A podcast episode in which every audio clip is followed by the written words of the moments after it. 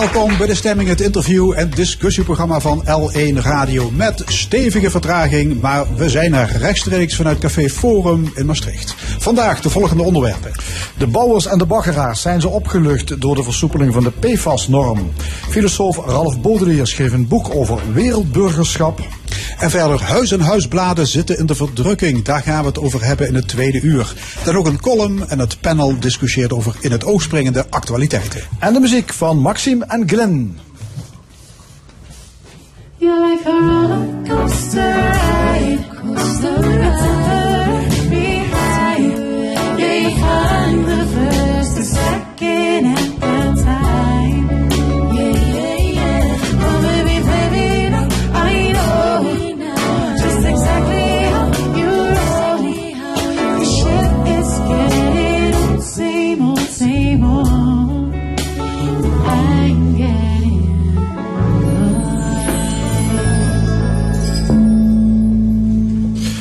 Opluchting. Ja, tuurlijk. Opluchting onder bouwers en baggeraars. De PFAS-norm wordt versoepeld. PFAS dat is een verzamelnaam van giftige stoffen die op veel bouwlocaties in de bodem zitten. In de zomer stelde het kabinet zodanig strenge normen op dat bijna geen grondverzet meer kon worden uitgevoerd. En daardoor kwam veel bouw- en baggerprojecten stil te liggen. Maar de PFAS-norm die wordt van nu af aan acht keer minder streng. En daarover gaan we praten met Erik Vugs. Hij is directeur van KWS en bestuurslid van Infraplatform Limburg. En met Jos Kleinjans, hoogleraar toxicologie aan de Universiteit Maastricht. Meneer Vugs, bent u blij met die nieuwe norm? Voorzichtig positief. Een stap in de goede richting. Hmm, dat klinkt een beetje zuinig. Eh, ja, het is misschien een politiek antwoord. Alleen eh, we zullen in de praktijk eh, moeten ondervinden hoe het werkelijk toegepast wordt. Ja, maar de Dus norm alweer- wordt acht keer opgerekt. Dan Ja, zou je denken dat is werkbaar. U kunt wel gaan draaien. is nog, nog steeds niet heel veel. Nee, dat is waar. Maar ik las ergens dat driekwart van alle projecten zouden mogelijk weer opgestart kunnen worden. Ja, dat is een eerste inschatting. Maar nogmaals, de praktijk zal moeten uitwijzen wat door de verschillende overheden werkelijk wordt toegepast. De norm zullen ze moeten toepassen, maar uiteindelijk moet het vlot getrokken Dus de worden. sfeer was niet eh, juichend op de zaak vrijdag. Nee, we waren wel verheugd dat er in ieder geval een eerste stap gezet is met een verruiming van de norm. En eh, we zullen moeten afwachten wat het werkelijk in de praktijk gaat uitwijzen. Ja, in juli heeft de staatssecretaris een voorlopige norm ingesteld hè, van 0,1 microgram PFAS per kilo grond. Eh, zit er meer in, dan mag je de grond niet afgraven, niet vervoeren. Zit je al gauw aan die 0,1? Eh, bijna in alle gevallen. Er is bijna geen grond waar geen PFAS in zit. Ja, en dan vraag je je af, hoe, hoe, hoe kan dat? Waarom deed de staatssecretaris zoiets? Was dit Nou, een die- paniek, die- paniekmaatregel? Eh, nou, die maatregel eh, van 0,1, dat is de minimale eh, hoeveelheid die gemeten kan worden. Dus de laboratoria die zijn zo verschrikkelijk goed inmiddels dat ze 0,1 microgram kunnen meten. maar zou de staatssecretaris niet hebben geweten wat ze heeft aangericht met die norm? Ehm, nou ja, goed, in het kader van de volksgezondheid, waar wij als ondernemers natuurlijk ook niet aan willen tornen, eh, hebben ze natuurlijk in eerste instantie die meetbare norm gehanteerd om nader te onderzoeken wat het effect is op de volksgezondheid. Alleen dat onderzoek gaat vreselijk lang duren. Alleen alle wetenschappers waren overtuigd dat die 0,1 een veel te lage norm is. Is die versoepeling, denkt u, te, te danken aan alle protest? Nou, ik, ik denk de lobby van Bouwend Nederland richting de politiek, van Maxime Verhagen, maar ook protest en eh, het effect eh, op onze branche eh, is natuurlijk van dien aard. Als je ziet hoeveel grond in depot langs projecten ligt, omdat het niet afgevoerd kan worden, want het kan nog steeds wel ontgraven worden, alleen het kan niet afgevoerd worden.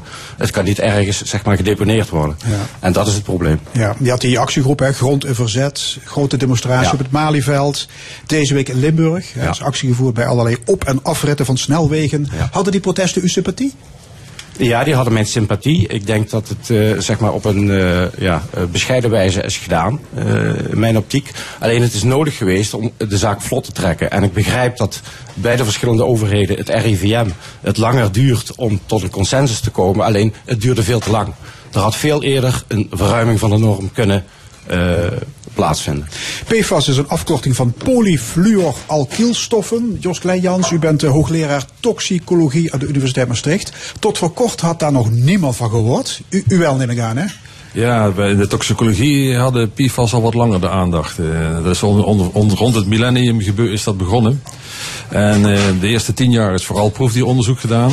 Eh, de laatste tijd zijn daar veel eh, data van mensen zelf bijgekomen. En dat is, de, de stoffen als, als familie zijn geclassificeerd als zeer zorgwekkend. Ja, het is een, het is een verzameling van 6000 chemische Ja. stoffen, klopt dat? Ja. Ja. En zitten er ook bekende stofjes tussen? Ja, de bekendste zijn PFOA en PFOS. Oh ja, ja, die kennen we allemaal. Ja, en dat is Teflon. Teflon, ja. Althans, dat was tot voor kort Teflon. ja. Want het, het zit, ja, behalve in teflon, ook een blusschuim. Het Ja. zit in verf, in de regenjassen. Ja. Hoe komen die stoffen dan in de grond terecht? Nou, eh, bijvoorbeeld eh, als, als er sprake is van een brand waar, brand, waar bl- blusschuim gebruikt wordt waar deze spullen in zitten, dan hebben we natuurlijk meteen voor een grootschalige eh, bedreiging te maken. En, er zijn natuurlijk situaties geweest, eh, met name in Nederland, in Dordrecht, waar een uitstoot van, van de chemische industrie verantwoordelijk is geweest voor een grootschalige verspreiding van dit soort stoffen. Ja, In daar is Nederland- hele dossier trouwens mee begonnen, Ja, hè, ja, met die vervuiling in Dordrecht. Ja, zijn het giftige stoffen? Ja, ze zijn zeer giftig. Ze hebben verschil in een serie eigenschappen die niet gezond zijn. Ze zijn kankerverwekkend. Ze doen iets met de schildklier wat we liever niet zien. Eh, Ze onderdrukken het immuunsysteem. Ze hebben een effect op de lever en daardoor ook een verhoging van cholesterolgehaltes. Ehm, en dat is wat we nu weten. Dus eh, veel, een, een, een breed scala van ongewenste effecten in We- de weet u zeker dat ze kankerverwekkend zijn? Ehm, ze zijn eh, door de internationale agentschap voor kankeronderzoek, het instituut van de WHO in Lyon in Frankrijk, geclassificeerd als dat beperkt bewijs is voor kankerverwekkendheid. Dat is met name geobserveerd bij mensen die beroepsmatig met deze stoffen omgaan, dus relatief hoge blootstellingen. En dan praten we over kanker van de nier en kanker van de testis. Ja, de staatssecretaris noemde PFAS, ik citeer, echte rotzooi. Ja, dat is echte Daar is geen woord van gelogen. Ja, en ik moet even bij aantekenen dat het effect eh, kankerverwekkendheid niet het meest kritische effect is. Immuunonderdrukking en verhoging van eh, cholesterol in, gebeurt bij zeer lage concentraties in het bloed. Zijn ze biologisch afbreekbaar? Nee, omdat het dus een combinatie is van, van koolstof en, en, en, en fluor, is dat heel erg eh, stabiel. Eh, en dat, dat breekt in, in het milieu en ook in ons li- lichaam niet af. En, Dus het zijn eh, ja, synthetische stoffen kun je ja. zeggen, dus die hopen zich op. Die hopen zich op, dat is wat er gebeurt. Vandaar ook dat in, in, in het bloed van vrijwel alle mensen die onderzocht zijn, PFAS aangetoond zijn. Meneer Vugs, u bent directeur van KWS, althans van de vestiging eh, en Eindhoven. Ehm, KWS is een ja, internationale beursgenoteerde onderneming. Wat doen jullie allemaal? Eh, nou ja, goed, als KWS zijn we actief eh, bij de aanleg en onderhoud van wegen in de breedste zin van het woord. Dus waar ook grondwerk, eh, zeg maar, eh, toegepast wordt. Ja, door de stikstofcrisis ligt de, bouw zo goed als plat.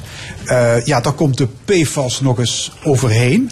Eh, dus baggeren, grondverzet en zo, dat, dat kan ook allemaal niet meer. Dus uw bedrijf moet, moet flink zijn geraakt. Eh, nou ja, goed, kijk, wij zijn natuurlijk heel inventief geraakt. We hadden natuurlijk een lopende orderportefeuille en lopende projecten. Die kunnen natuurlijk gewoon uitgevoerd worden. Alleen Dus u draait op van- lopende vergunningen? Ja, lopende vergunningen, maar lopende projecten die al gegund zijn. Dus de orderportefeuille, hè, lopend. Eh, maar ook het, eh, de grond die daar dus afgevoerd moet worden, ja, die zit tijdelijk in depot. En we zijn dus in afwachting, voldoet die aan de norm om elders gestort te kunnen worden. Ja. Maar hoe, hoe ernstig is het bedrijf geraakt? We zijn geraakt. Eh, wat voor ons de grootste zorg op dit moment is, is eh, hoe nieuwe projecten vlot getrokken worden. En dat de overheden, zeg maar, met de nieuwe normering van afgelopen week aangekondigd, eh, zeg maar, hun nieuwe contracten in de markt gaan zetten. Ze zijn natuurlijk ook voorzichtig geweest van, joh, wat gaat het betekenen in financieel oogpunt met de afzet van grond in onze projecten? We houden het nog wel eventjes op de plank. Dus het wordt nu zaak dat overheden, gemeentes, provincie, Rijksoverheid hun projecten gaan aanbesteden. En dat wij weer kans krijgen om nieuwe projecten te verwerven. Ja. En ook al wordt die versoepeling zo betekent feit, dat betekent niet dat alle werkzaamheden 1, 2, 3 weer op gang komen. Want ja, jullie we moeten je inschrijven, hè, aanbesteding, vergunningen moeten worden, worden verleend. Uiteraard. Dat kan wel eens een half jaar duren. Eh, nou, een half jaar, eh, enkele maanden zeker. We hebben natuurlijk nog een portefeuille, ook voor 2020 en verder. Eh, maar het gaat er nu ook om, eh, met de normering voor de PFAS is de pasproblematiek nog niet opgelost. En de stikstofproblematiek is natuurlijk een heel ander verhaal. Ja, maar er vo- voorlopig geen mensen uit bij KPS. Vooralsnog eh, niet, nee. Je hoort zeggen, 2019 wordt een rampjaar voor de bouw. Hoe Ehm, denkt u daarover? Rampjaar. We hebben natuurlijk als eh, bouwend Nederland eh, heel wat eh, crisissen doorstaan. We hebben natuurlijk ook gewoon de algemene crisis gehad. Eh, de afgelopen jaar was er, en dat is dan het, het, het tegenstrijdige, het eerste halfjaar van 2019, eh, moesten we alle zeilen bijzetten om de juiste mensen aan te kunnen trekken om te bouwen wat we moesten bouwen. En vervolgens komen er op twee fronten problematiek op ons af. eh, plotseling. Hè? En daar moet je dan weer op anticiperen. Maar we willen behouden wat we nodig hebben Ja. voor de toekomst. Waar heeft u de meeste last van? Van, van de PAS of van de PFAS? Eh, beide. Eh, pas is met name op grotere infrastructurele projecten een probleem. Omdat daar natuurlijk eh, de herberekeningen plaatsvinden van wat dat betekent met de aanleg en de uitvoeringsfase. Ehm, maar waar we het meeste last van hebben is eigenlijk de vertragende besluitvorming in Nederland op dit soort fronten. Dat het heel lang duurt voordat er een besluit genomen wordt. Ja, maar er komt wat af op het kabinet, hè? Ja, bij bedoel, het gaat om was er onze- nog niks aan de hand. Nee, maar het gaat om, om, onze natuur, het gaat om onze gezondheid. Ja, en daar onze willen we als economie. ondernemers natuurlijk nee, niet aan Het is niet tornen. makkelijk voor het kabinet om daar een goede balans in te vinden. Doe Nee, maar als je de juiste plezier- mensen bij elkaar zet, en ik weet niet eh, of de heer Kleinjans dat kan beamen, als je de juiste wetenschappers bij elkaar zet om zeg maar een consensus te bereiken over wat is wel toepasbaar als norm, dan zou dat misschien toch wel een stukje sneller kunnen. Ja, ja we hebben als het over de bodemnormen gaat, hebben we natuurlijk niet alleen met een pure wetenschappelijke argumentatie te maken, spelen ook economische argumenten een rol. Maar wetenschappers in mijn vak zijn vooral bezig met zich zorgen te maken over die effecten van PFAS op de mens. Dus de Europese Food Safety Authority, dus zeg maar de Europese Keuringsdienst voor Waren, heeft eh, nu al die data die over mensen ter beschikking zijn gekomen onder consideratie. En de verwachting is dat de norm voor wat veilig is voor een mens binnenkort met een factor 15 omlaag gaat. En daarom is ook de, de, de maatregel Wat, die nu wat betekent dat? dat we dus 15 keer minder mogen binnenkrijgen aan die PFAS dan we tegenwoordig mogen binnenkrijgen. Ja, want nu wordt die norm versoepeld. Je kunt ook zeggen, Ja. moet die vervuiling niet sowieso stoppen? Moet die, die rotzooi niet uit de grond? Voor sommigen geldt, voor PFOA en PFOS geldt al dat die eigenlijk niet meer gebruikt worden industrieel. Dat is voor een deel verboden en voor een deel ook eigen eh, motivatie van de industrie zelf. Er zijn ook alternatieve technologische oplossingen voor, zoals GenX, waar we hela- helaas veel te weinig van af weten. Ja, maar Eh, ik zou maar zeggen, in preventie in plaats van nog meer vervuiling. Ja, nee, maar we hoeven, het, is, niet- het is niet zozeer het probleem dat we niet nog meer vervuiling eh, willen. Dat is duidelijk dat we dat niet willen. Maar het zit in ons. En da- daar wil je dus niet nog meer binnenkrijgen. En dan wil je dus ook eh, goed, kritisch nadenken over versoepeling van normen in andere toepassingsgebieden, zoals in de, in de bodem.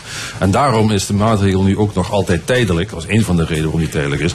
En als je de documentatie van het RIVM leest, zie je ook dat het RIVM systematisch verwijst naar deze aanscherping van de gezondheidskundige norm, die binnenkort het geval zal zijn. En dan op dat moment zullen we allemaal terug naar de tekentafel moeten om te kijken Ja. wat nu precies veilig is voor de verschillende milieucompartimenten. Ik las een stuk van Martijn Katan, dat is een biochemicus, Ja. u kent hem waarschijnlijk, Ja, ja. Hè? ook eh, voedingsdeskundige. En die zegt dat we er eigenlijk veel te veel heis over maken. Hij zegt, wil je de gezondheid van mensen verbeteren, dan moet je de alcohol terugdringen. En het roken en de obesitas en de Ja. zonnebank verbieden. Dat zet zo dan de dijk. Ja. PFAS vindt die peanuts. Ja, ik, daar zou ik met Partij wel eens over van gedachten willen wisselen. Ja. ik denk dat eh, met name ons, ons eigen onderzoek, wat in ons eigen laboratorium is gedaan door mijn collega Henk van Loveren, toont aan dat bij zwangere vrouwen, die dus de helaas de reguliere belasting met PFAS ondergaan, de pasgeboren kinderen een immuunsysteem onderdrukt zien. En dat is meetbaar als de kinderen gevaccineerd worden tegen eh, rode hond of de, de- ja, eh, ehm, wat hebben we nog? Dysenterie, of difterie eh, en, en, en mazelen en dat soort zaken. Dus er is wel degelijk sprake van een onderdrukking van het immuunsysteem van de pasgeboren kinderen. Daar zou Martijn wel iets over willen zeggen. Meneer Vugs, VNO-NCW wil een klein miljard schadevergoeding van de staat. Omdat eh, de beginselen van behoorlijk bestuur zijn geschonden.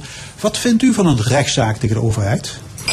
Nou ja, goed, er is natuurlijk een eh, grote economische schade ontstaan bij verschillende bedrijven eh, door de hele strenge normering die te streng is, omdat de achtergrondwaarden van gebieden natuurlijk ook een bepaalde waarde aan PFAS in de grond hebben. Eh, als dat eh, hoger is dan die 0,1, ja, dan is het natuurlijk zinloos om te zeggen van joh, je mag alleen met 0,1 eh, microgram per kilo droge stof materiaal verwerken. Dan, dan zou de achtergrondwaarde bepalend moeten zijn. Verschillende gemeenten doen dat al. Dus die hebben ook hun eigen achtergrondwaardes bepaald. En daar mag dus materiaal wat eh, die vervuiling heeft die er al zit, mag verwerkt worden. En dat is natuurlijk redelijk logisch. Maar vindt u die, die enorme schadeclaim terecht? Ja, Mag ik jullie hartelijk danken. Erik Vugs, directeur van KBS en wetenschapper Jos Kleinjans. Geen dank, graag Geen dank.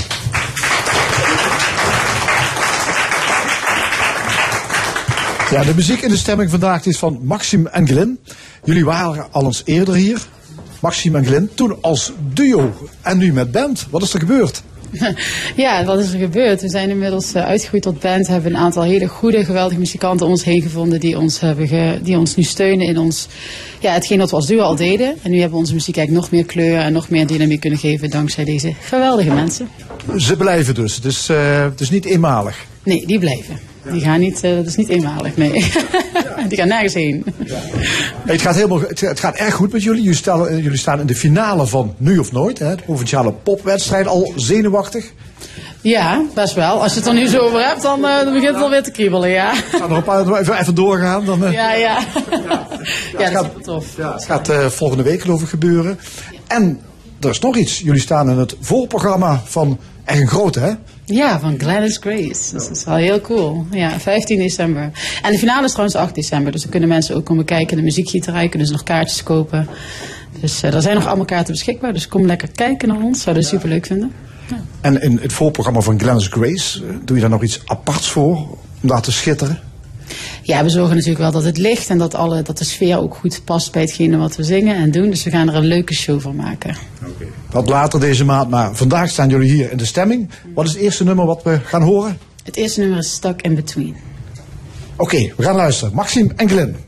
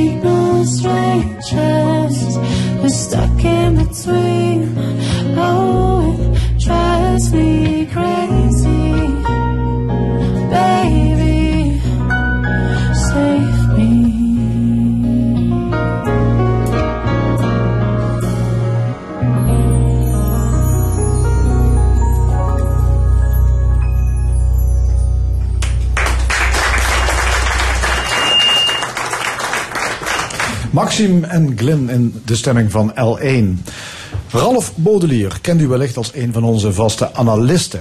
En vandaag is deze filosoof en ecomodernist bij ons omdat hij een boek heeft geschreven. En dat gaat over cosmopolitisme, oftewel wereldburgerschap. Kan deze ideologie het hoofd bieden aan de kolossale problemen van deze tijd, zoals armoede, ongelijkheid, klimaatverandering en migratie? Aan tafel Ralph Baudelaire. Ralf, welkom. Dankjewel, Fons. Je boek heet eh, Cosmopolieten. Met als ondertitel Grote filosofen over een betere wereld. Wat is een cosmopoliet? Ja, dat is eigenlijk wat ik in dit boek probeer uit te zoeken. Maar het komt er elk geval op neer dat de cosmopoliet zich verantwoordelijk voelt voor mensen, ook aan de andere kant van de wereld. Niet alleen in zijn eigen omgeving, heel belangrijk, maar ook in Afrika, Azië, wherever. Oké. Is cosmopolitisme hetzelfde als globalisme? Nee, globalisering of globalisme lijkt me meer een soort economische ontwikkeling. En het cosmopolitisme is eigenlijk een soort eh, moraal. Hoe ga je nu daarmee om? We zijn, worden steeds met elkaar verknoopt, hè? hoe je het draait of keert. Eh, Spullen uit eh, China, migranten uit Afrika, eh, invloeden uit de muziek en, en uit Amerika. Maar hoe moet je nu over nadenken? En vooral, hoe moeten we ons gedragen in deze tijd van globalisering? Dat is de vraag die de cosmopoliet zich stelt. Ja, jij vindt over de grenzen heen kijken essentieel voor het oplossen van de grote wereldproblemen. Ja, zonder meer. Ja. En jij hebt je hoop gevestigd, las ik in je boek, op de jongste generatie. Ja. De hoogopgeleide, nieuwsgierige millennials. Die, die moeten de oplossing aanreiken. Precies. We zien eigenlijk in, in deze tijd dat de tegenstanders van de cosmopolieten, de, wat je even noemt, de nationalisten voor een deel, eh, maar ook in mijn boek de islamitische fundamentalisten, maar laten we even tot die nationalisten beperken, dat die de grenzen dichtmaken en zich steeds minder willen aantrekken van die wereld om ons heen. Hè? De Trumps, de Bolsonaro's, eh, weet ik veel. Maar het punt is, als je nu, of eh, de, de, de Brexiteers, hè, die Engeland willen loshalen van de wereld. Maar dat zijn allemaal mensen die, die gekozen zijn door ouderen, met name. Met name oudere mannen. Als je kijkt naar de jongere generatie, die tot nu toe nog maar amper gaat stemmen, vreemd genoeg, dus de echte twintigers. Als die de macht zouden hebben en zouden gaan stemmen, zouden we waarschijnlijk een hele andere wereld hebben. Mensen zijn veel meer open, hebben connecties over de hele wereld, zijn betrokken op de rest van de wereld, hebben ook niet meer die vooroordelen die veel ouderen hebben over mensen met een andere kleur, een andere religie. Dus het, de, de hoop inderdaad ligt, maar daarbij ook met heel veel onderzoek op de jonge generatie. Ralf, jij komt heel vaak in Malawi, Ja. een van de armste landen van Afrika. Soms ga je een paar maanden wonen vlakbij een gigantisch eh, sloppen, sloppenwijk. Ja. Met welk doel? Ja, ik voel me er ontzettend thuis, hoe raar het ook klinkt. Ook in die Krottenwijk. En dat, ehm, omdat je toch nog een ervaring hebt, als het misschien vroeger een beetje in Nederland was, van het volle leven op straat. Hè? De timmerlui, eh, mensen met kippen aan, een, eh, aan het verhandelen, moeders met kinderen op de rug, kinderen al zingen naar school. Het is een hele prettige manier, althans als je rijk bent en een retourticket hebt, om in rond te hangen. En natuurlijk niet voor de mensen die er wonen. maar afgezien daarvan, eh, hebben die derde wereldervaringen ook jouw denken beïnvloed? Ja, dat is eigenlijk de start van dat hele boek van mij over cosmopolitisme. Dat had te maken met dat ik op een dag door die Krottenwijk wandel. Dat deed ik elke dag. Vanuit ons huis door die Krottenwijk heen naar een heuvel waar ik dan wat ging eh, rondwandelen en weer terugliep, 's middags. En op een dag loop ik er doorheen en ik voel me helemaal senang. De, de, de herrie, de, de muziek uit de kerk, de kwassa kwassa, eh, de geur van, van vuur en gebakken mais en eh, gebraden kip. En ik voel me één eigenlijk met die Krottenwijk. En op dat moment komt er een, opeens een politieman die stapt uit de coulissen. En die zegt tegen mij van, eh, Abambo, meneer, of Boana, heer. Ik heb een vraag aan u.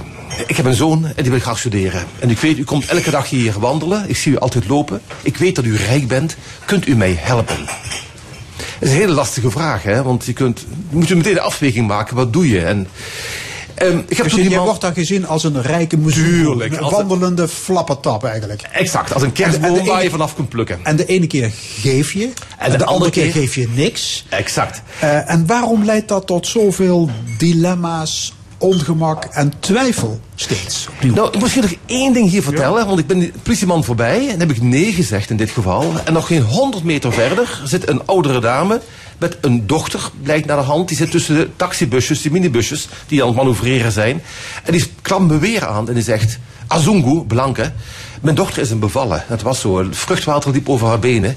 Kunt u me helpen? Nou, in dit geval heb ik wel geholpen. Dus een minibusje gecharterd voor 15 euro. Om die mevrouw met haar dochter naar het ziekenhuis te laten brengen.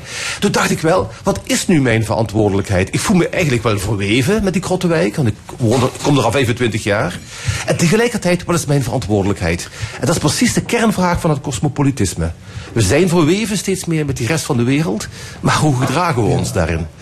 Eh, Sorry, dan ben ik wel je, je tweede Ja, nee, vraag kwijt, maar eh, heeft, heeft Ja. dat cosmopolitisme die mensen iets te bieden? Ja, ik denk het wel. Op de eerste plaats een oriëntatie. Dat we, als je je echt laat doordringen van het feit dat wij niet alleen zijn hier in Nederland met onze welvaart en onze rijkdom, maar dat we ook steeds meer verweven zijn met mensen die het minder hebben vaak, hè, dan, ehm, dan dwingt dat je hoe dan ook om erover na te denken. Dat is een eerste begin. Dat we dus weer een beetje tegen de stroom van deze nationalistische tijd en weer nadenken over die vragen. En de vervolgens is dan, maar dat gaat in mijn boek verder op in, hoe we dan die mensen kunnen helpen. Of wat we moeten doen. Is het een kwestie van politiek, een kwestie van ontwikkelingssamenwerking, klimaat? Ja, want in jouw boek eh, be- beschrijf jij de filosofie van een aantal eh, grote denkers uit de geschiedenis. Eigenlijk vanaf de oudheid Ja. Tot, eh, tot nu, tot de 21ste eeuw. Er komen een aantal eh, grote namen langs. eh, en bijvoorbeeld één, ik las één verhaal daarin. Mhm. Dat ging over een Indiër, Amartya Sen. Ik hoop Ja. dat ik het goed uitspreek. En hij is geraakt door de armoede van mensen. Eigenlijk wat jij ook hebt. Hè? En hij zegt, armoede is helemaal geen economisch probleem. Nee. Toen was ik de draad even kwijt. Daar geen economisch probleem. Wat, wat is het dan? De armoede is voor hem een probleem van vrijheid. Dus arme mensen die hebben niet de vrijheid om naar school te gaan. Niet de vrijheid om naar een ziekenhuis te gaan als het nodig is. Niet de vrijheid om te kunnen stemmen.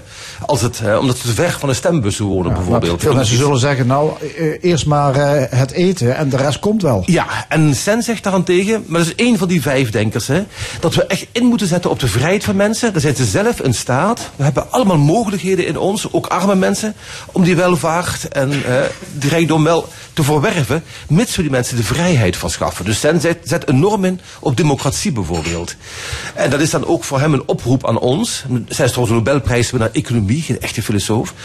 Maar moet dan ook een oproep aan ons om, ehm, om, om te steunen de, de, een Europese Unie, een Verenigde Naties, ontwikkelingsprogramma's die mensen de vrijheid verschaffen om hun stem te laten horen, om naar het ziekenhuis te gaan, et cetera. Onderwijs, hè? Vind je ook heel Onderwijs is een belangrijk. hele belangrijke voor Sen.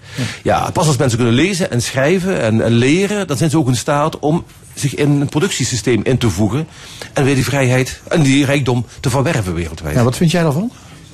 Ik ben het echt met Sen eens, want er is nog een extra ding. Hij heeft dus over de mogelijkheden benadering. Alle mensen hebben mogelijkheden. En, het is, en we weten dat veel mensen niet de kans hebben om die mogelijkheden uit te werken. Het is aan ons voor een deel, ook als Rijke Westerlingen, om hen te helpen om de mogelijkheden te verwezenlijken. En dat zie ik zelf ook zo. Ik steun heel simpel, niet die zoon van die politieman, maar wel andere jongeren in datzelfde Malawi om naar school te gaan bijvoorbeeld. Als ze één keer hebben kunnen lezen en schrijven en kunnen leren lassen of timmeren of eh, metselen, zijn ze in staat om hun leven ook echt te verbeteren. En daarmee dat van het hele land. Ja, kom ik toch wel, wel weer terug op het nationalisme, dat Ja. tegenwoordig toch heel veel opgeld doet. Eh, ook in Nederland, Zeker. dat je mensen ziet redeneren in de trant van het heeft eigenlijk allemaal geen zin. Ik kan wel geven, maar er is zoveel armoede op de wereld, heeft allemaal geen zin. Denk jij dat het cosmopolitisme eh, ja, die, die denkbeelden kan verdrijven? Want al, Ja. al wat ik nu om me heen zie, zie ik eigenlijk een andere tendens. Ja, ik zie hem op dit moment ook. Dat ben ik heel met je eens. En eh, ik denk wel voor een deel. Want een heel belangrijk onderdeel van het cosmopolitisme is ook kennis van de wereld om ons heen. En een van de dingen die heel fascinerend zijn, is dat armoede wel enorm aan het dalen is. Moet je even voorstellen, in 1990 hadden we nog 1,9 miljard extreem arme mensen. Dus net 30 jaar geleden. Nu zitten we op 700 miljoen. Dat is nog maar, eh, maar, een derde gaat, bijna. Maar het gaat vaak om de beeldvorming. Hè? Mensen Zeker. zeggen gewoon, het, het, het maakt allemaal niet uit. Dat weet ik. En die beeldvormen die moeten wij weer leggen. En dan zijn wij als journalisten, hè, wij drieën ook, mede voor verantwoordelijkheid, voor, voor verantwoordelijk, dat we die beeldvorming aanpakken. En laten zien dat bijvoorbeeld ontwikkelingssamenwerking enorm succesvol kan zijn. Het is natuurlijk maar één factor, hè. Dat weet ik wel, er is veel meer aan de hand. Maar als we goed investeren, ook ons, ons geld, dan kunnen we echt wonderen mee. eh. Ja, het onderwijs ook hier is belangrijk dus. Ja, voor- zeker. Ja. Voor mensen daar. Ja. Ehm, Want als wij die kennis hebben, tenminste, eh, ja. ja. van deel wel. Dan kunnen we ook overdragen aan andere mensen. Ja. Ja, in het laatste hoofdstuk van je boek kom jij terecht bij het ecomodernisme. En dan dacht ik, ach ja, nou ken ik hem weer. Zeker. Toen eh, viel alles eigenlijk op zijn plaats. Mhm. Ehm, ecomodernisme, eh, is dat de jongste lood aan de stam van het cosmopolitisme? Nee, ik doe het wel hier verbinden eh, met elkaar. Dus economisme is op een moderne manier nadenken over milieu- en klimaatproblemen die we hebben. Hè. Eh, Je, je bent voor intensieve landbouw, voor Ja. genetisch aangepaste gewassen, kweekvlees, kernenergie. Ja, noem maar op. Alles waar andere linkse mensen tegen, zijn, daar ben jij voor. ben ik voor. Terwijl je jezelf Toen ben ook links beschouwt. Precies. Want als we bijvoorbeeld maar heel concreet kijken naar, toch weer naar Afrika. De- de- zie je de steden enorm groeien. Lagos in Nigeria, 22 miljoen mensen. Als we die steden willen voeden, dan moeten we in, of dat vind, vind ik niet, maar vinden voornamelijk heel veel Afrikanen, dan moeten we inzetten op nog meer intensieve landbouw. Om zo'n hoog mogelijke productie te halen. Dan kun je niet het, het, het veroorloven om heel kleinschalig met kleine boertjes en weer veel te werken. Dus ik vind ecomodernisme een heel belangrijk onderdeel, vind ik tenminste, van het cosmopolitisme. Omdat dat laat zien, dat het een manier is om te zorgen dat mensen in derde wereldlanden ook een enorme welvaart eh, kunnen bereiken. Ja, maar Of je, je weet ook dat, het, eh, dat dit ook weer gepaard gaat met enorme milieuvervuiling, hè, intensieve landbouw. Dus ehm, ja, waar leidt het naartoe dan? Nou, dat is maar de vraag. Want eh, een van de stellingen van het ecomonisme is... als je heel intensief boert... dan betekent dat je veel meer natuur overhoudt... om te recreëren bijvoorbeeld. Intensiveren betekent dat je heel veel opbrengst hebt... op een heel klein terrein. En dat... Ook Afrikanen willen bossen hebben om in te wandelen. Willen natuur hebben om in te recreëren. Eh, als we 22 miljoen mensen in Lagos willen voeden vanuit al die kleine boertjes, dan hou je echt geen bos en geen boom meer over. Dus ook hier is een combinatie van zorg voor milieu en zorg voor voldoende voedsel voor mensen. Is een reden waarom ik althans ook hier en weer pleit voor een ecomoderne benadering. Ik wil nog even weten, wie zijn die andere vier cosmopolieten die in je boek worden behandeld? Ja, ik begin met. Nou, de vraag was dus toen die vrouw had eh, geholpen hè, met dat minibusje, met dat bevallende dochter. Toen zat ik daar op de rots ergens na te denken. Wat heb ik nu gedaan? Is dat goed? Niet goed? Ja, uiteraard, prima.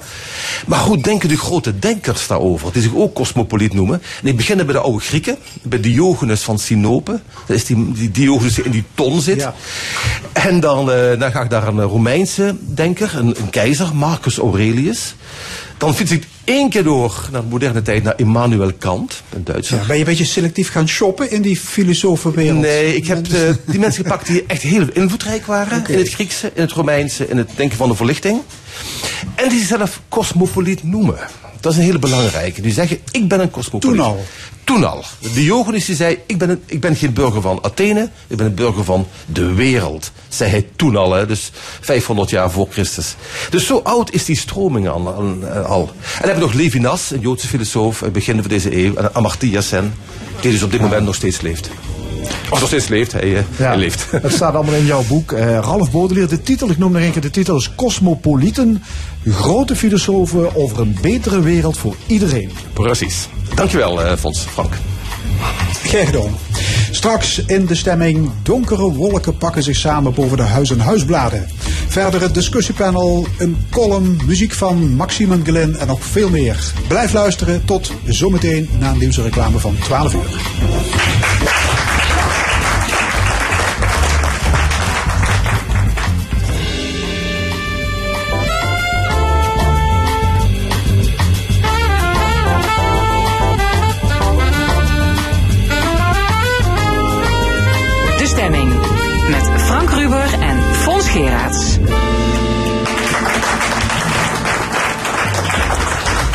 Welkom bij de stemming, het interview- en discussieprogramma van L1 Radio, rechtstreeks vanuit Café Forum in Maastricht. Wat hebben we in dit tweede en laatste uur nog allemaal in petto? Straks discussieert het panel met Monique Quint, Jan de Wit en Karel Leunissen over de verkoop van Limburgse stroom en andere actuele zaken. Een column van Nina Bokke en muziek van Maxime en Glyn. Pretty Things.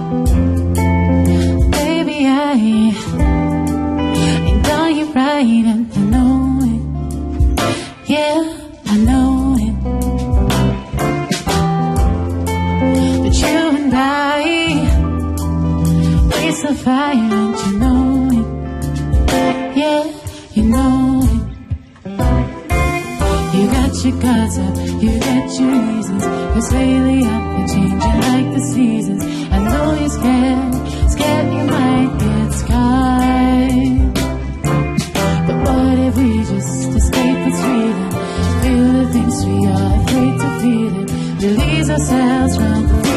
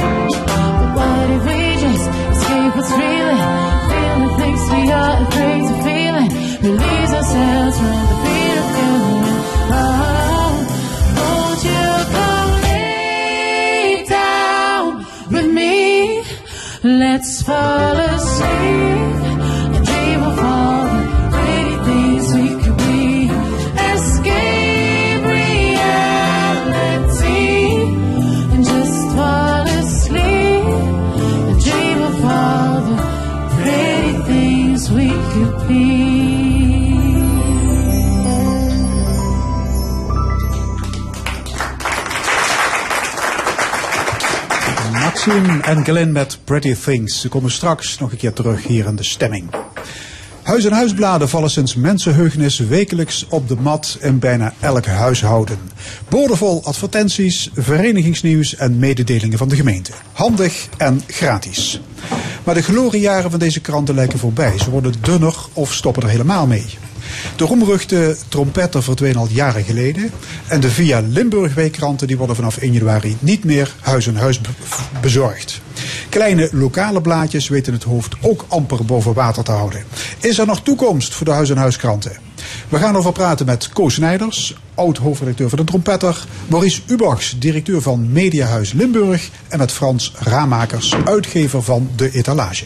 Welkom alle drie. Eh Koos ja, decennia lang stond je aan het roer van de, de Trompetter. Wie kent het niet, hè? Een, huis, een huisblad dat in heel Limburg verscheen. Hoe belangrijk zijn huis- en huisbladen bladen volgens jou? Nog steeds heel belangrijk. Ja, er zijn heel veel mensen die nog iedere week uitkijken naar hun huis- en huisblad.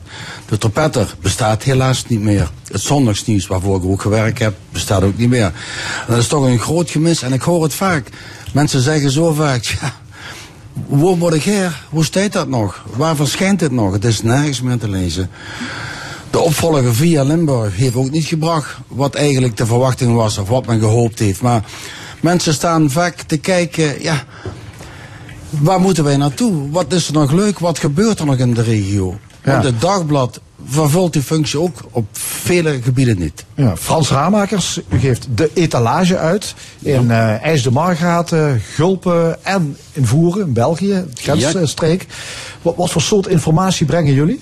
Eh, wij brengen eigenlijk alleen maar eh, verenigingsnieuws.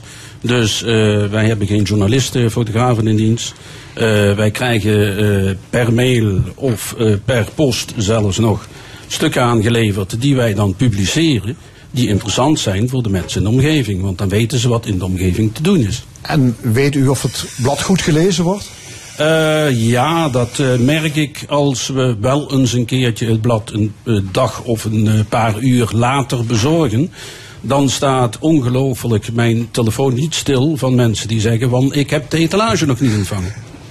Ja, het geeft wel aan wat Koos ook zegt. Ja. Heel belangrijk. Ja, ben ik het helemaal mee eens. Ja. Maurice Ubachs, eh, hebben zich al boze lezers van Via Limburg gemeld dat de huis-en-huis-verspreiding gaat stoppen? Zeker. Ja, nee, we krijgen daar eh, eh, reacties op, uiteraard, van eh, lezers en, eh, en ook adverteerders. Ehm, en die leggen wij uit wat wij eh, doen. Ehm, en wat eh, onze volgende stap is in onze digitale transitie van het bedrijf. En wij zien, eh, ehm, als mijn buurman Koos Nijers zegt, we doen te weinig aan lokale journalistiek. We hebben 126 FTE die bezig zijn met eh, journalistiek in Limburg. Ehm, ik zou zeggen, lees elke dag de krant en je ziet wat wij aan lokale journalistiek doen. We hebben 31 Facebookgroepen. We hebben dagelijks meer dan 250.000 unieke bezoekers voor de websites in Limburg. En we brengen vanaf 1 januari een, een weekblad uit. En dat heet de Via, zoals het altijd geweest is. Alleen niet meer huis en huis, maar wel ehm, bij de krant en eh, op 450 aflegadressen in Limburg voor iedereen, zeg maar binnen een halve kilometer tot een kilometer eh, af te halen. Zeg maar als je naar de winkel gaat, dan kun je hem meenemen. Dus, eh, Dus bij de supermarkt blijft de Via Limburg gewoon liggen. ja, dus we onderstrepen het belang, daar ben ik het helemaal, helemaal mee eens. We onderstrepen het belang van hyperlokale journalistiek. Ehm, en we borgen dat ook eh, in de krant, met de VIA, eh, met de control circulation van de VIA. We kiezen eigenlijk voor een ander distributiemodel. Dus niet zo dat we stoppen, alleen de distributie verandert. Maar het, maar het valt niet meer overal in de bus. Nee. Dat is wel het verschil. Ja, het enige verschil is dat mensen nu zelf eh, de VIA moeten meenemen. Iedereen die boodschappen doet, neem aan dat de meeste mensen zijn die hier ook zitten. Ehm, die kan hem zo meenemen vanaf woensdag. Dus hij is gewoon beschikbaar. Koos, stelt jou dat gerust? Ja, in principe wel, maar dit wist ik ook wel dat dat ging gebeuren. Dat is geen nieuws voor mij. Maar dat wil niet zeggen, er is toch een groot verschil of het blaadje of het blad in de supermarkt ligt.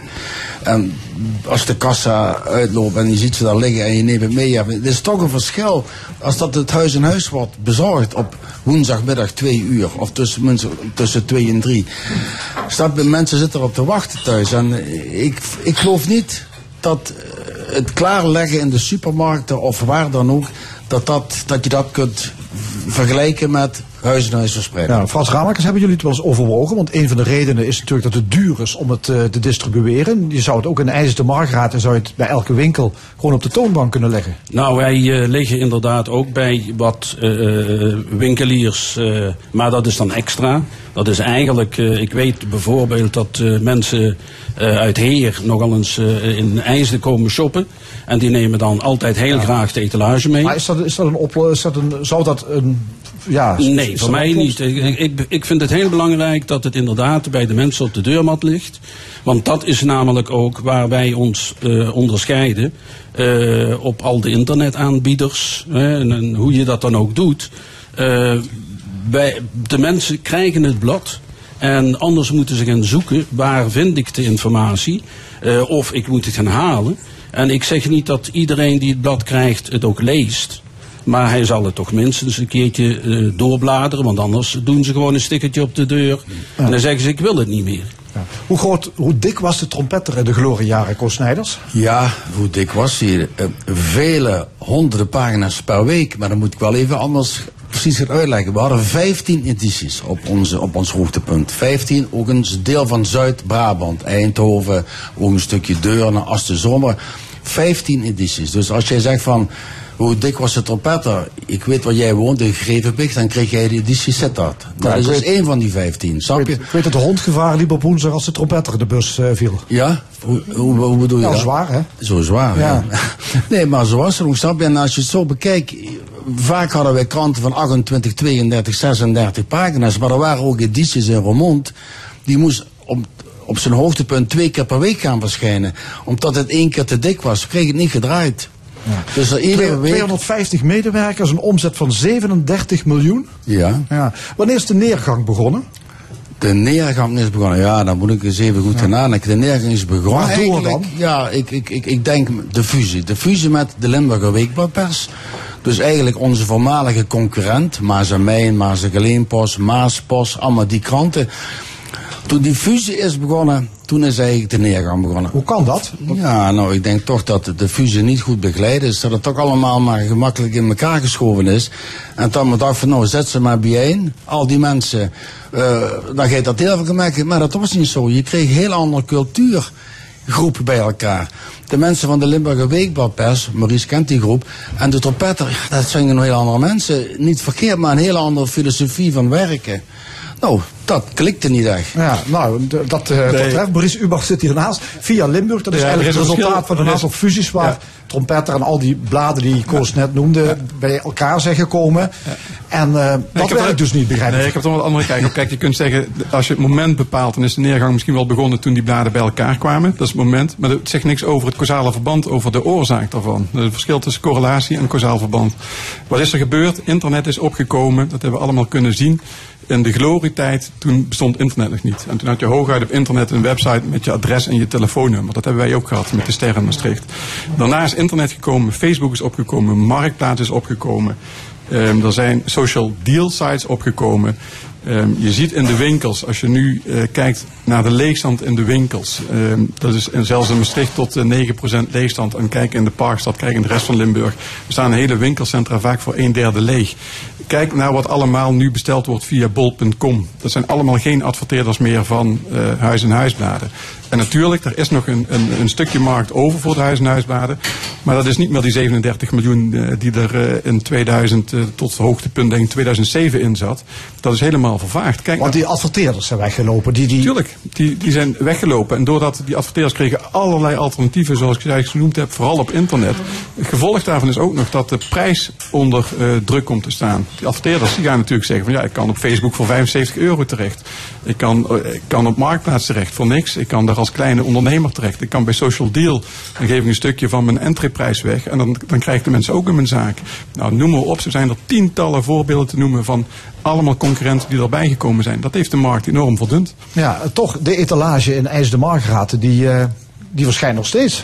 Hoe kan nou, dat? niet alleen nog steeds. Trouwens, een, een leuk weetje. Eh, Toevallig vandaag, 20 jaar geleden, lag de eerste etala- etalage bij de mensen in de Proficiat. bus. Hè, dus eh, 1 december 1999. Ehm, maar eh, ik ben het niet helemaal met Maurice eens, als ik dat mag zeggen. Ehm, wij hebben nog altijd de kleine ondernemer. En de kleine ondernemer die staat toch elke week in de etalage. En die geeft toch elke week het geld uit om in de etalage te staan. Dus ook die vindt het belangrijk dat eh, de lezer eh, zijn advertentie ziet. Eh, dat doe je niet als je geen eh, effect ermee scoort. En, en als je er niet hè, eh, meer klanten door krijgt. Ja, dus er zijn wel degelijk nog mensen die willen adverteren in zo'n blad. En het gaat natuurlijk ook om de, om de mensen die het willen lezen. Ja, precies. Ik, ik heb je toevallig ook meegenomen het wijkblad. Dat wordt uitgegeven door iemand in het echt. Verschijnt ook bij mij in het dorp in Grevenbeek. Ja, dan moet je daar kijken. is toch 24, 28 pagina's.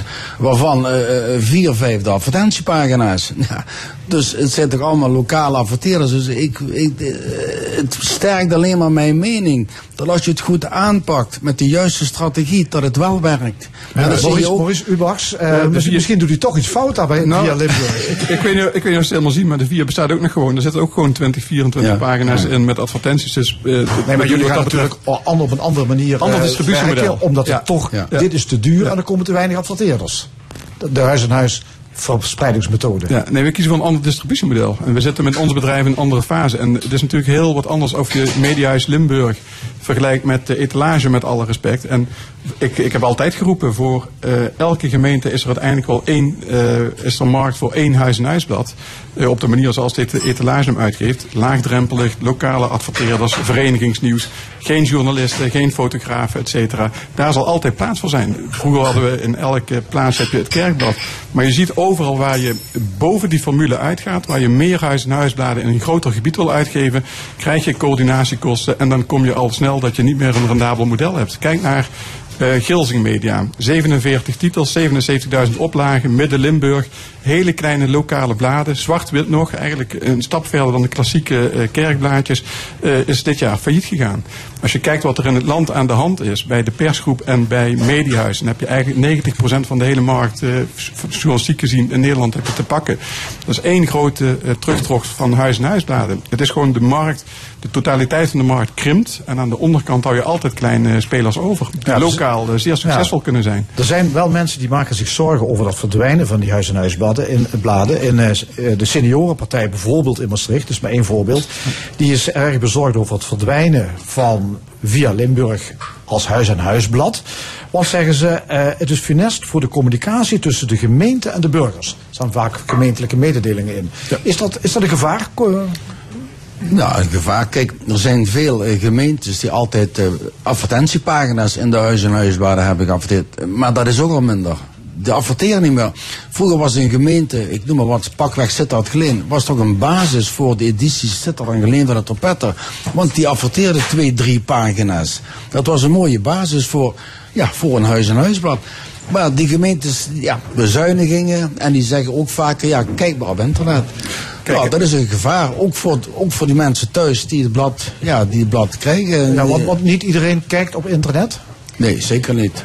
Nee, zeker eh, niet. Frans Ramakers? Dat is iets wat ik ook merk.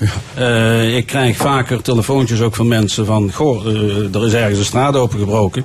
En ik weet het helemaal niet. Want het heeft niet in de etalage gestaan. En ja, ze gaan inderdaad allemaal op internet. En dat is ook voor ons blad is dat natuurlijk toch wel... we hadden in het verleden twee pagina's samen met, met de VIA. Had één pagina, dat is bij mij twee pagina's in het formaat. Eh, nu zijn we terug naar één pagina en ik vermoed dat in de toekomst de gemeente helemaal stopt.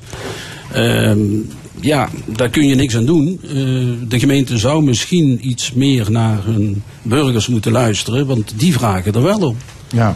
Maurice Ubach via Limburg, eh, daar hebben we het al over gehad, is vaak van naam en eigenaar veranderd. Ehm, het is een blad wat misschien ook niet echt het warme gevoel brengt dat bijvoorbeeld de etalage brengt. Of eh, de voorbeelden van eh, de trompetter, wij, of de zondagsnieuws en dergelijke.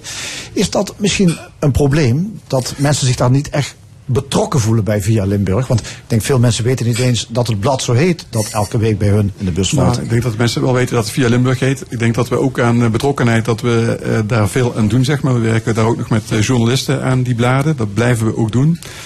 Sterker nog, we hebben, ehm, dat wordt nog eh, intensiever eh, in de toekomst. De formule van de VIA is people like people. Hè. Mensen houden van mensen. We proberen mensen een gezicht te geven, het verhaal van mensen te vertellen. Mensen die dat te doen op verenigingsgebied eh, vooral, maar ook lokaal. Local heroes. Ehm, dat is de formule van de VIA. Ehm, dat is ietsje anders dan de etalage, maar het zit er niet heel ver naast, denk ik. Maar is het niet een blunder om een titel die bijvoorbeeld al tientallen jaren bestaat, om die op te geven?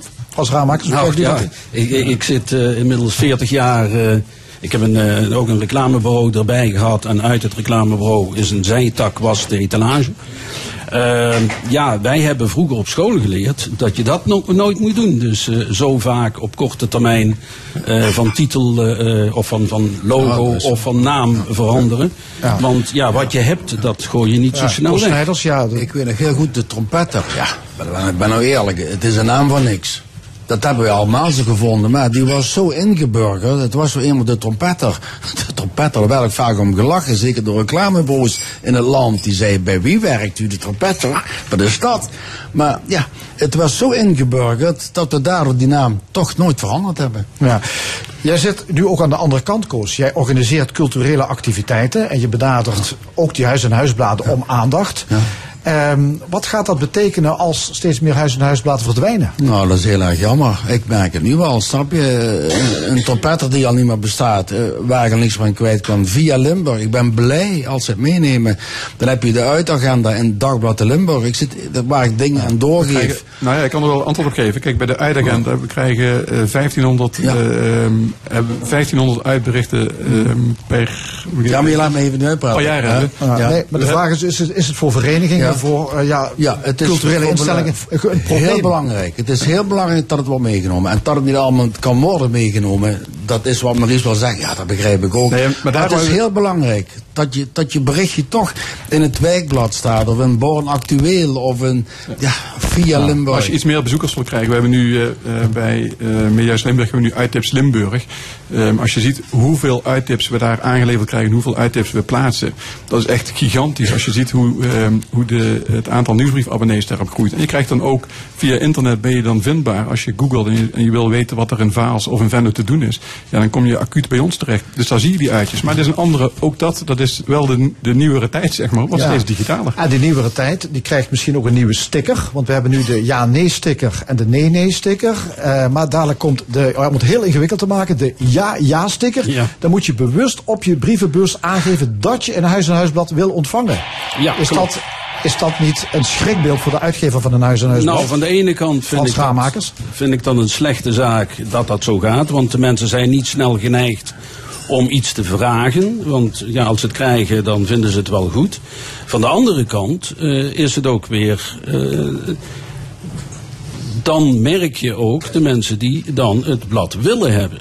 En eh, ja, Dus het zou heb- een voordeel kunnen zijn. ja, het zou een voordeel kunnen zijn. Ja. Ik, ik heb daar toch niet zo'n zo'n benauwd gevoel bij. Eh, ja, omdat wij nogal sterk in de, in de waar we uitkomen, sterk vertegenwoordigd weet je dat- dat hij ook niet meteen in de kattenbak verdwijnt. Nee, en je zou, eh, ik, ik, ik heb zelf al een keertje, voordat dit speelde, heb ik eh, een jaar of twee geleden, heb ik al eens gedacht van, misschien moet ik wel een sticker maken, ja, ik wil de etalage. Omdat, ja goed, toch wat van de gemeente uit wordt gezegd van, ja, bij de nee-nee of ja-nee stickers mag je niet komen. En eh, de mensen bellen mij wel, ik wil het wel hebben. En als je dan zegt, je moet je sticker veranderen, dat willen ze dan weer niet. Oké, er is nog hoop en tijd en eh, toekomst absoluut. voor de kleine huis- en huisbladen. Dank jullie wel. Koos Snijders, oud-hoofdredacteur van de Trompetter. Maurice Ubachs, directeur van het Mediahuis Limburg. En Frans Ramakers, uitgever van De Etalage in IJs de Margaten en omgeving. Dank u wel. Eh, Zometeen in de stemming de column, gevolgd door het discussiepanel. Maar eerst muziek. Jarenlang traden ze ook in dit programma op als duo. Maar tegenwoordig spelen ze met een band, inclusief achtergrondkoortje. Volgende week zondag staan ze in de finale van de provinciale popwedstrijd Nu of Nooit in de muziekgieterij in Maastricht. Hier zijn Maxime en Glenn met Boord. Yeah, yeah. Yeah, yeah, yeah, yeah,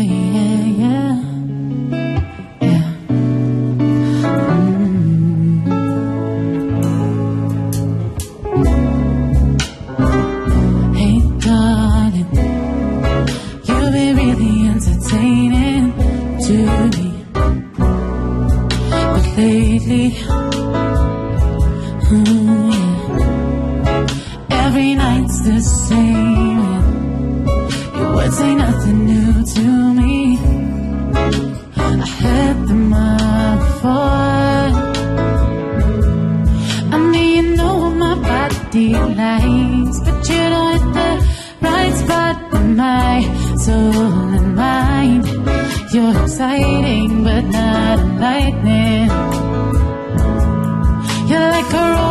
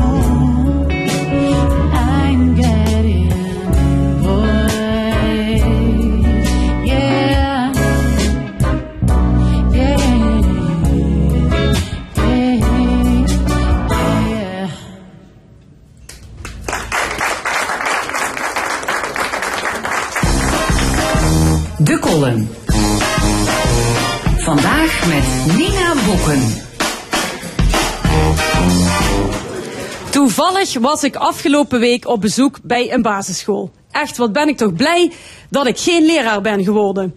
Kinderen die schreeuwen, over tafels klimmen. Waar de een iemand aan de haren trekt, komt de ander met een vingertje tussen de deur. Het is dweilen met de kraan open. Onafgebroken orde scheppen in chaos. En ik ben meer van het chaos scheppen in orde. Het deed me denken aan Black Friday, een hysterische koopjesdag die lijkt op een dag in de kleuterklas. Alleen daar gaan mensen wel met een nieuwe tv naar huis. Zelf ben ik niet zo'n koopjesjager. Sterker nog, ik raak gespannen als ik iets nieuws moet aanschaffen. Je kunt tegenwoordig zoveel uitzoeken en vergelijken dat je aan het eind van de dag nog minder zeker weet wat je eigenlijk nodig hebt. Daarbij raak ik nog wel eens wat kwijt. Een sok, mijn beurs, pennen. Ja, zelfs mijn auto ben ik een keer verloren. Gelukkig wel teruggevonden. Andere dingen vind ik juist weer overal. Paracetamol, theezakjes en tampons. Die laatste twee niet met elkaar te verwarren overigens. Hoe meer spullen ik heb, hoe meer ik kan kwijtraken. Het is natuurlijk je reinste volksverlakkerij, zo'n Black Friday. De prijzen die gehanteerd worden zijn doorgaans juist hoger dan normaal. Maar mensen voorhouden dat ze iets mislopen helpt. Schaarste werkt ons nog steeds op de zenuwen. Dat is een evolutionair overblijfsel. Grappig eigenlijk, het gevoel van schaarste creëren in een wereld van overvloed. Knap is dat. En dat terwijl de dingen die werkelijk opraken, zoals de belastbaarheid van het milieu, minder stress veroorzaken. Babette Porcelein schreef een boek over de invloed van ons koopgedrag op het milieu. Zij berekende dat voor één laptop 2000 volle zwembaden nodig zijn om alle giftige stoffen die bij het productieproces vrijkomen te verdunnen tot een acceptabel niveau. Angst voor schaarste zit ons nu eenmaal in het bloed. Net zoals PFAS trouwens. Sterker nog, de concentratie van PFAS in ons lichaam ligt hoger dan de limietwaarde in de grond, zo blijkt. Het zijn chemische stoffen die niet afbreekbaar zijn. Ze zitten in bakpapier, kleding, pannen, maar komen ook vrij tijdens productieprocessen van allerlei andere spullen. Je ademt het in, het zit in de grond, het is eigenlijk overal. Er is naar deze stoffen wel onderzoek gedaan, maar veel te weinig om vast te kunnen stellen hoe schadelijk ze precies zijn. Over evolutie gesproken. In Sibbe werden fossielen van een zeldzaam reptiel gevonden. Meer dan 66 miljoen jaar oud. Ook werd er de afgelopen week in Weert gegraven onder een speeltuin. Daar zouden nog menselijke resten liggen uit de 16e eeuw. Archeologische vondsten zijn meestal beesten, mensen, kannen en kruiken.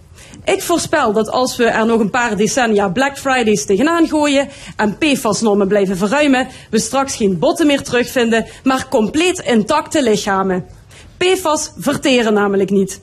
Als er dan überhaupt nog plek is voor begraafplaatsen, wil dat zeggen. Er zijn veel meer spullen dan dat er mensen zijn.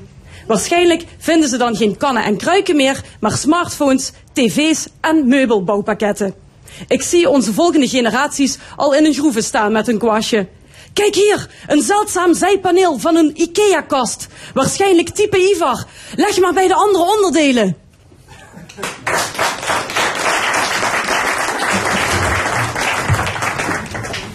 De column van Nina Bokke.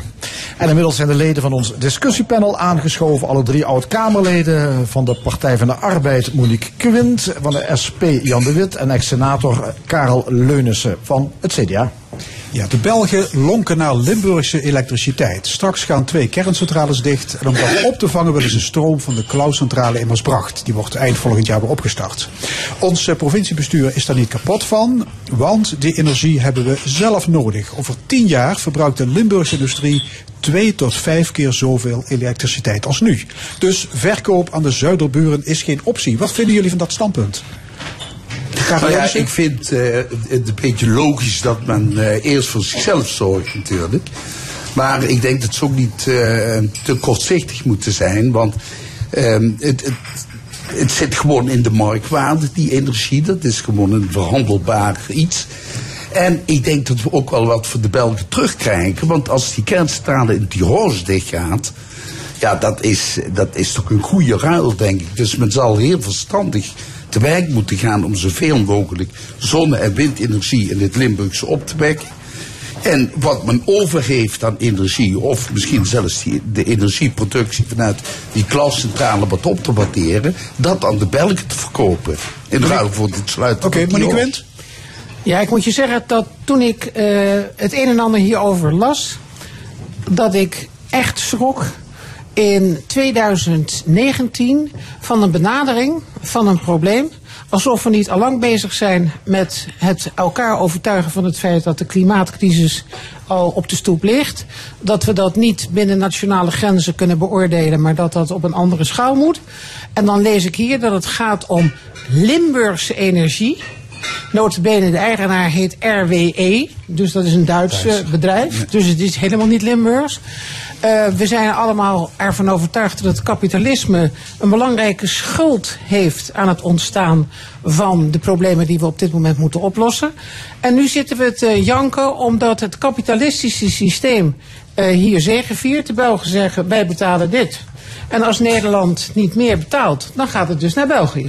En een ander verhaal waarvan ik denk, oh jongens, hoe krijgen we het in vredesnaam klaar? Ehm, er moet iets aangelegd worden tussen de Klauscentrale en België, waar het dan naartoe gaat. Ja, er moet een kabel komen van 13 Ja, kilometer. Ja, en dan denk ik, oké, dus in plaats van dat ik lees dat we het probleem internationaal behandelen, Belgen, Duitsers, Nederlanders willen die kerncentrales dicht.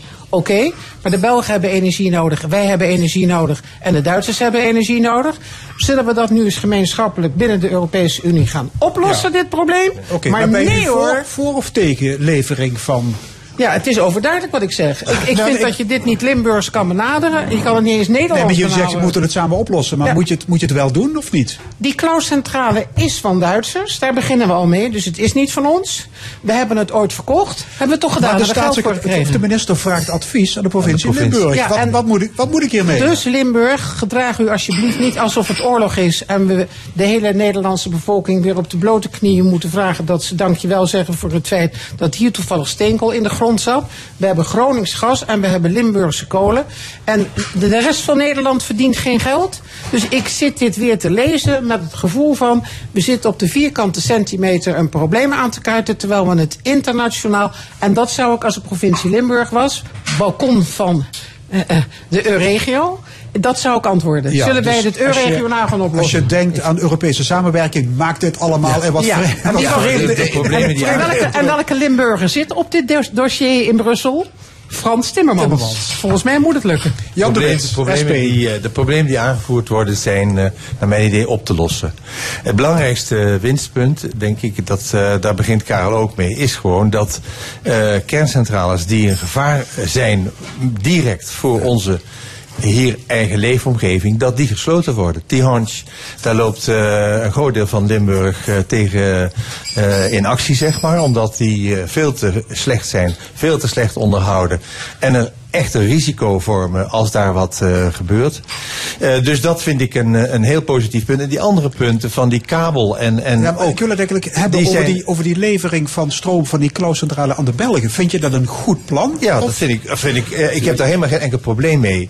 Het iets anders is dat je Maar dat zegt. dreigt stroomtekort voor de Limburgse industrie Ja, maar op korte termijn. Laat ik zeggen, het gas, van wie is het gas dat ze gebruiken? Dat, als dat uit Groningen, dat zou voor mij een punt zijn waar je, waar je naar moet kijken voordat je met dit plan instemt.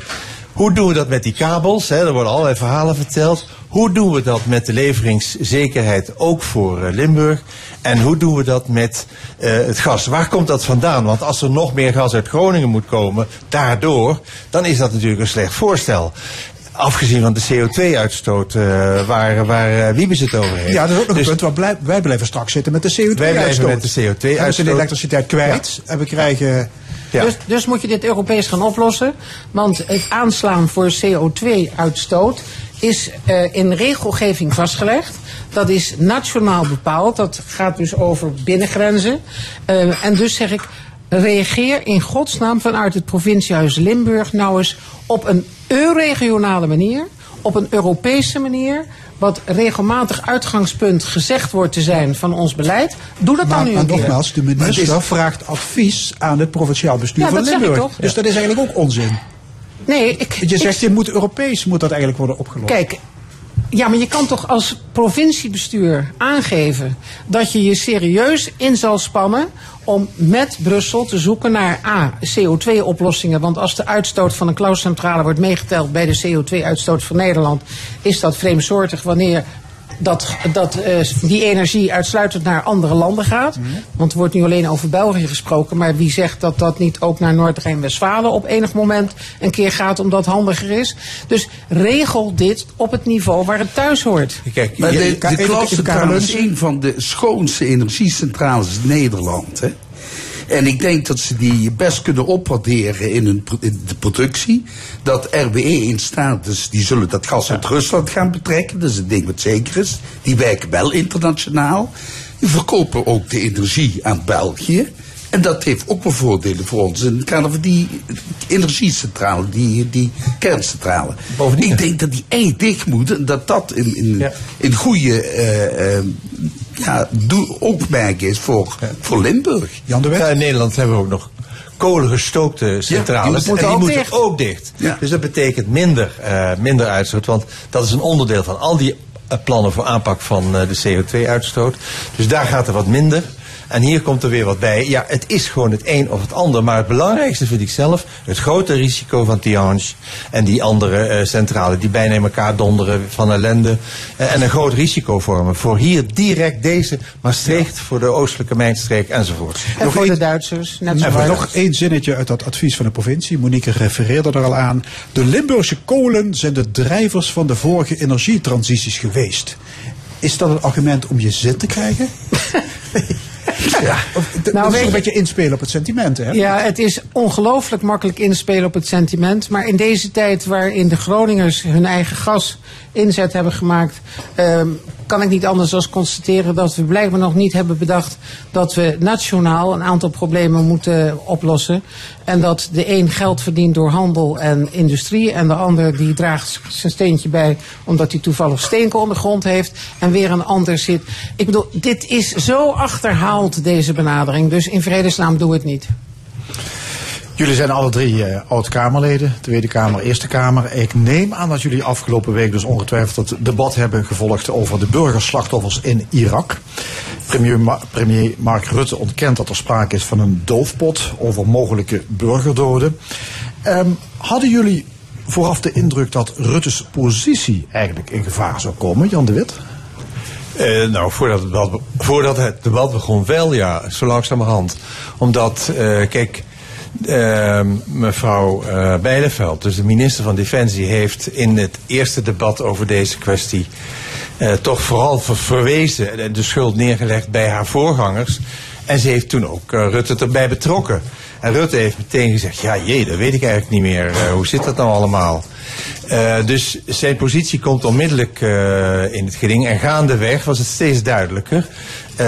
Aanvankelijk staat hij er onverschillig tegenover. Maar het is dus wel een heel cruciaal punt. En dat vind ik ook het ontluisterende van, eh, van dit debat. Dat eh, aan de ene kant een minister zegt: ja, maar het is mijn schuld niet, het is van die eh, schuld. En aan de andere kant een, een, een minister die, of een minister-president die zegt van ja, eh, daar heb ik geen actieve herinnering aan dat dat iets aan mij is meegedeeld. Nog afgezien van de vraag wat dat is, een actieve herinnering, eh, eh, dat, dat, dat weet niemand in Nederland. Wat is een actieve herinnering? Maar die heeft hij in ieder geval niet.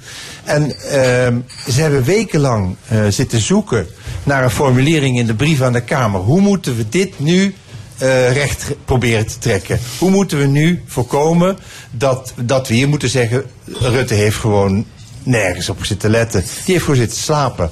En, eh, Je dat denkt- kun je denkt dat het dat is? Dat ik denk dat het dat, het, dat het dat is, dat Rutte het gewoon niet weet.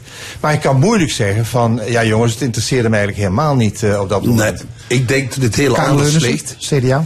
Het, eh, men wist dat natuurlijk wel en men heeft voortdurend met in de mond gesproken. En ze werden daardoor gedekt door Centcom. Die ze hebben daar onderzoek gedaan. En die konden niet aangeven hoeveel doden daar gevallen zijn. Dus men heeft aan Bert Koenders, aan Rutte en aan eh, eh, Pauline, eh, of eh, mevrouw Hennis. Hennis. Hennis. Janine. Maar ook aan, aan heeft men medegedeeld dat daar doden gevallen zijn. Maar niet de aantallen uitgelegd. En daar niet alarmistisch over gedaan van dat is rampzalig, verschrikkelijk. en dat heeft hem goed gevonden zo. Daarbij komt ook nog dat het juridisch niet nodig is dat het kabinet de Kamer informeert. Ja. Over Nee, maar als ik nou- maar de vraag- maar de vraag is- Als jij als kabinet en Kamer in zijn oorlog stapt, dan weet je dat dat kan gebeuren. Maar als ik nou ben minister-president als je, dat, als je dat niet jezelf realiseert. Ja? Monique? Meneer Quint, eh, de- de vraag was eigenlijk, als, hadden jullie de indruk dat de positie van Rutte in gevaar zou komen? Nee. Ik had geen moment de indruk Ik ook niet. Dat, eh, dat dit het aftreden van eh, en daarmee de val van het kabinet zou inluiden.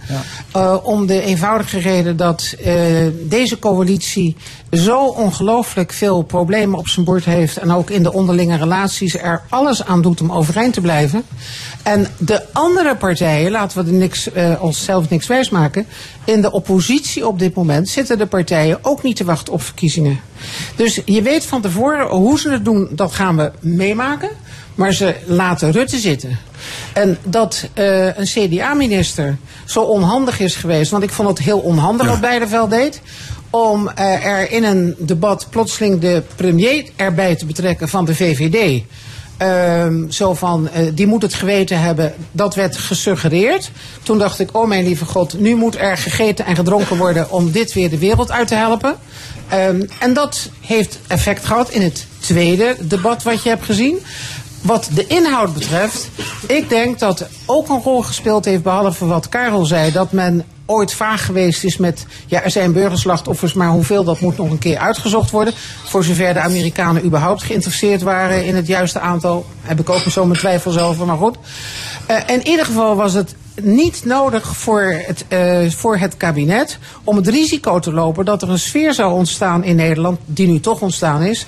Wat doen wij in vredesnaam met al die missies? Want Dan moeten we daar moest wel aan mee blijven binnen doen. de, binnen, de Jan de Wit, VVD, ja. binnen de VVD heeft Rutte ook eh, zo langzamerhand zijn positie verloren. Dat bleek gewoon al ook voorafgaande aan dit debat, het congres van de VVD.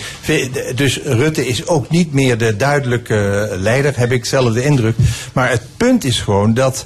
Eh, en daarom vind ik dat de oppositie terecht er wel eh, op, op, op Rutte heeft aangestuurd. De Kamer wordt gewoon voorgelogen. De Kamer wordt gewoon schriftelijk meegedeeld. Er zijn geen burgerdoden. En al die Kamerleden die proberen dat boven water te krijgen.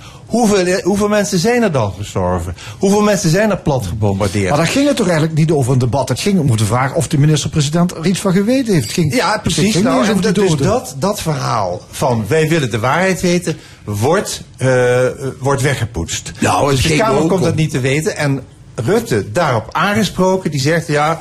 Eh Hennis zegt tegen mij, eh, of die zegt wel dat ik vermoedelijk, vermoedelijk dat ze het met mij erover gehad heeft.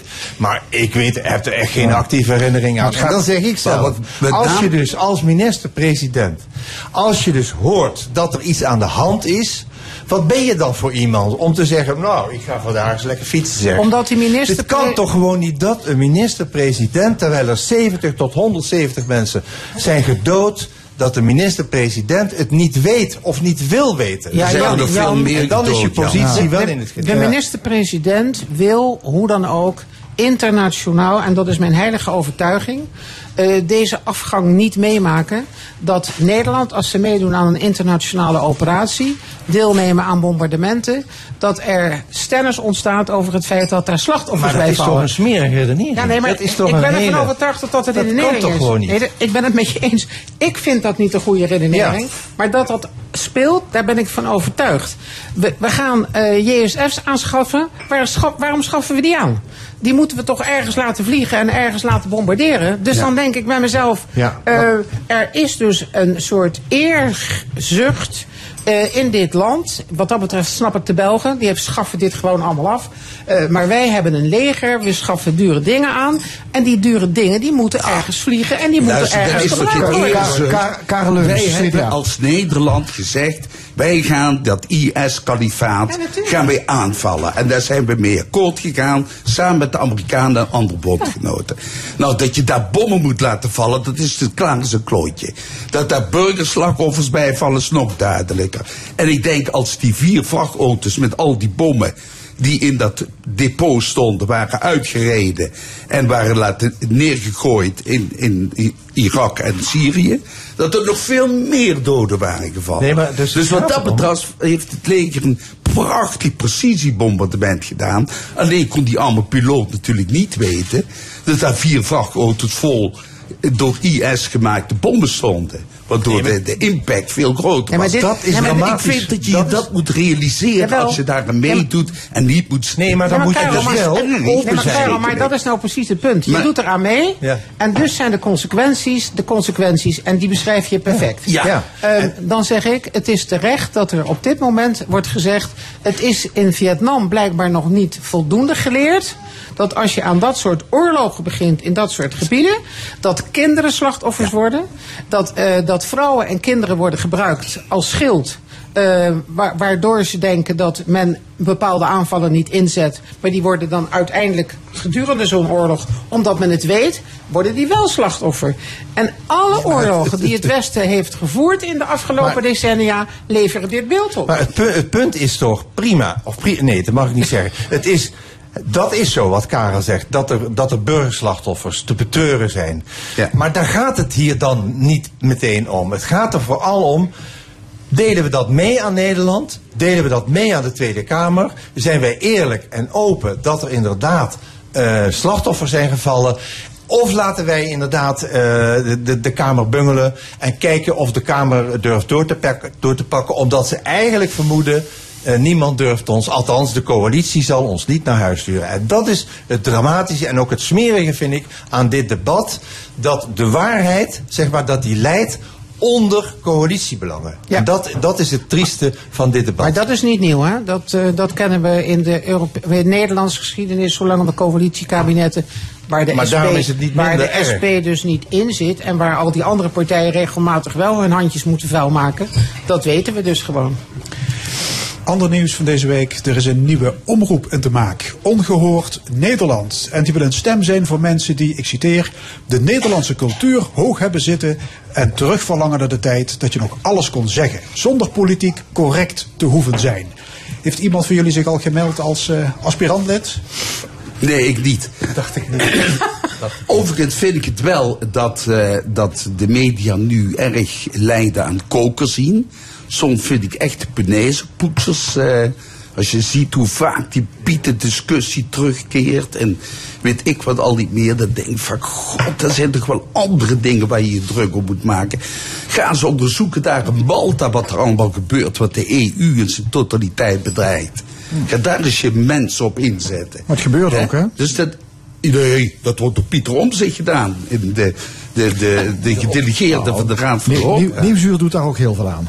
Nou, die, in de kielzog van Omzicht. Die heeft dat Maar met de naam Ongehoord Nederland suggereert dat veel Maar die- zich niet vertegenwoordigd voelen door Hilversum. Ja, Is dat, dat- is, is dat zo. zo? Dat is Ik zo. wou net zeggen, dat is maar zo. zij zullen dat, die stem niet laten horen. En in ieder geval niet in, in dermate constructieve wijze dat het bijdraagt aan het totale geluid wat we dan gaan horen. Ja, maar historicus Leo Lucas die zette dit bericht op Twitter. Waarom eigenlijk ongehoord Nederland als je al Pauw hebt? Nee, maar dat is natuurlijk Ja. de vraag die je kan stellen. In hoeverre gaan zij iets brengen? Tenminste, dat vraag ik me in alle hevigheid af. Waarvan we niet al in hulen ontvoelen door weggebombardeerd worden ehm, via de media. En dat is, of je nou Pauw neemt, eh, zo zijn er nog een aantal dingen. Eh, RTL schijnt te schrikken van zijn eigen programma's. Ehm, dat geeft bij mij helemaal een, eh, een gevoel van hoe vervreemdend kan een, een omroep zijn, van zichzelf overigens. Ehm, ik denk, laat ze maar gaan. We hebben wetgeving en als ze voldoen aan de spelregels van de wet, dan gaan ze dus als omroep beginnen. Maken ze waar, dan hebben we blijkbaar een gat wat we hebben zelf hebben laten vallen. Ehm, ik heb onlangs geleerd. Maar, maar is dit een verrijking van het omroepstel? Nee, maar daar gaat het, Even- even- even- even Jan daar de gaat Wet. het niet om. Nee, ehm, eh, ik, denk, ik, denk het, ik denk het niet. Ehm, als je eh, kijkt wat eh, nu gezegd wordt door, door Karskens. eh, we hebben in van Nederland. de initiatiefnemers. Ja, we hebben dus de EO. We hebben WNL, dus de Telegraaf, zeg maar. Eh, we hebben Pound. We hebben de Tros. En we hebben Avrotros. KRO is wat minder. Maar, en dan zegt die Karskens, eh, dat is niet rechts genoeg. Het is gewoon de brutaliteit, de brutaliteit van rechts op dit moment in Nederland. De steeds verder opricht, oprukkende verrechtsing. Dat ze ook nog vinden dat ze een stuk verder moeten gaan dan de, de warboel die die rechtse Nou, toch, ik ben het eh, niet met je eens, Jan. verspreiden. Het is niet en als dat rechts. zo is, als dat zo is, dan hebben we het ergste te vrezen van zo'n omroep. En als je kijkt wat ze willen, eh, dan is dat alleen nog maar, nog maar meer Zwarte Piet. Ja, ze eh, willen het opnemen voor de Nederlandse cultuur en niet kritisch over rechts, Europa. Het zijn echt de ongehoorde stemmen. Het zijn ook de gele hesjes. Enzovoorts, enzovoorts. Er zijn heel veel mensen die niet gehoord worden. Het probleem is alleen dat je die mensen die nu dat initiatief willen nemen, die zijn volgens mij niet in staat om dat geluid op een constructieve manier in te brengen in, in, het, in het totale geluid Ja, maar van dat Nederland. maar- maar dat betekent om daar dus- iets mee te doen. Ja, maar dan kan je er dus op gaan zitten wachten dat datgene wat ze nu, al die linkse journalisten en die linkse media verwijten, dat zij dadelijk aan de andere kant precies hetzelfde hetzelfde gaan doen. En dus dat elke nuance waarvan zij de linkse media tussen aanhalingstekens verwijten maken, dat die nuance ook bij hen zelf gaat ontbreken. En dan denk ik bij mezelf, ehm, het kan niet anders als als ze aan de eisen voldoen, dan komen ze er. Ehm, ze zullen dan kijkcijfers moeten halen met hun media eh, goed verantwoorde programma's. Ze zullen dan ook politieke onderwerpen moeten aankaarten. Want als ik de drie initiatiefnemers lees, dan vinden ze dat dat noodzakelijk is, maar op een hele andere manier. Ehm, ik denk dat ze zichzelf uit de markt gaan prijzen. Tenminste, Dat daar ben ik bijna van Dat overtuigd. hebben ze voor mij al gedaan. Doordat, ze, doordat die Karskens met name eh, zeg maar vol lof is over de PVV en over het Forum voor Democratie. Zegt hij openlijk hè, dat ze de steun hebben van Geert Wilders en van eh, Thierry Baudet. En die verklaren dat op hun beurt ook nog eens een keer. Dus ze hebben zich al uit de markt geprijsd eh, op dit moment door openlijk te kiezen voor die twee politici. En daarmee sluit je eh, voor een heleboel mensen eh, sympathie of de, o- eh, af en de deur eh gooi je ze al half dicht. En de verzuiling wordt nieuw leven ingeblazen. Ja, zo kan je het ook nog benaderen. Maar, Ja. maar welke media zijn er nou links in Nederland? Dat zou, ik zou er maar één weten, dat is de VPRO. Die nog een keer eh, linkse programma's heeft. Maar Pauw kan je echt geen links programma noemen. Eh, Buitenhof, zondagmorgen, 12 uur, Jort Kelder. Nou, Kijken wij die nooit kan je bepaald niet links En die kan je bepaald, wat, wat is dit voor een frame dat, ge- dat steeds naar buiten gebracht wordt en, ge- en, ge- en, en geuit wordt? De linkse media. Nou, het is gewoon complete onzin. Mag ik jullie hartelijk danken. Discussiepanel Monique Quint, Jan de Ka- Karen Leunissen. Dit was de stemming, vandaag gemaakt door Joost Smits, Edwin Maas, Joelle Tilly, Fons en Frank Ruber.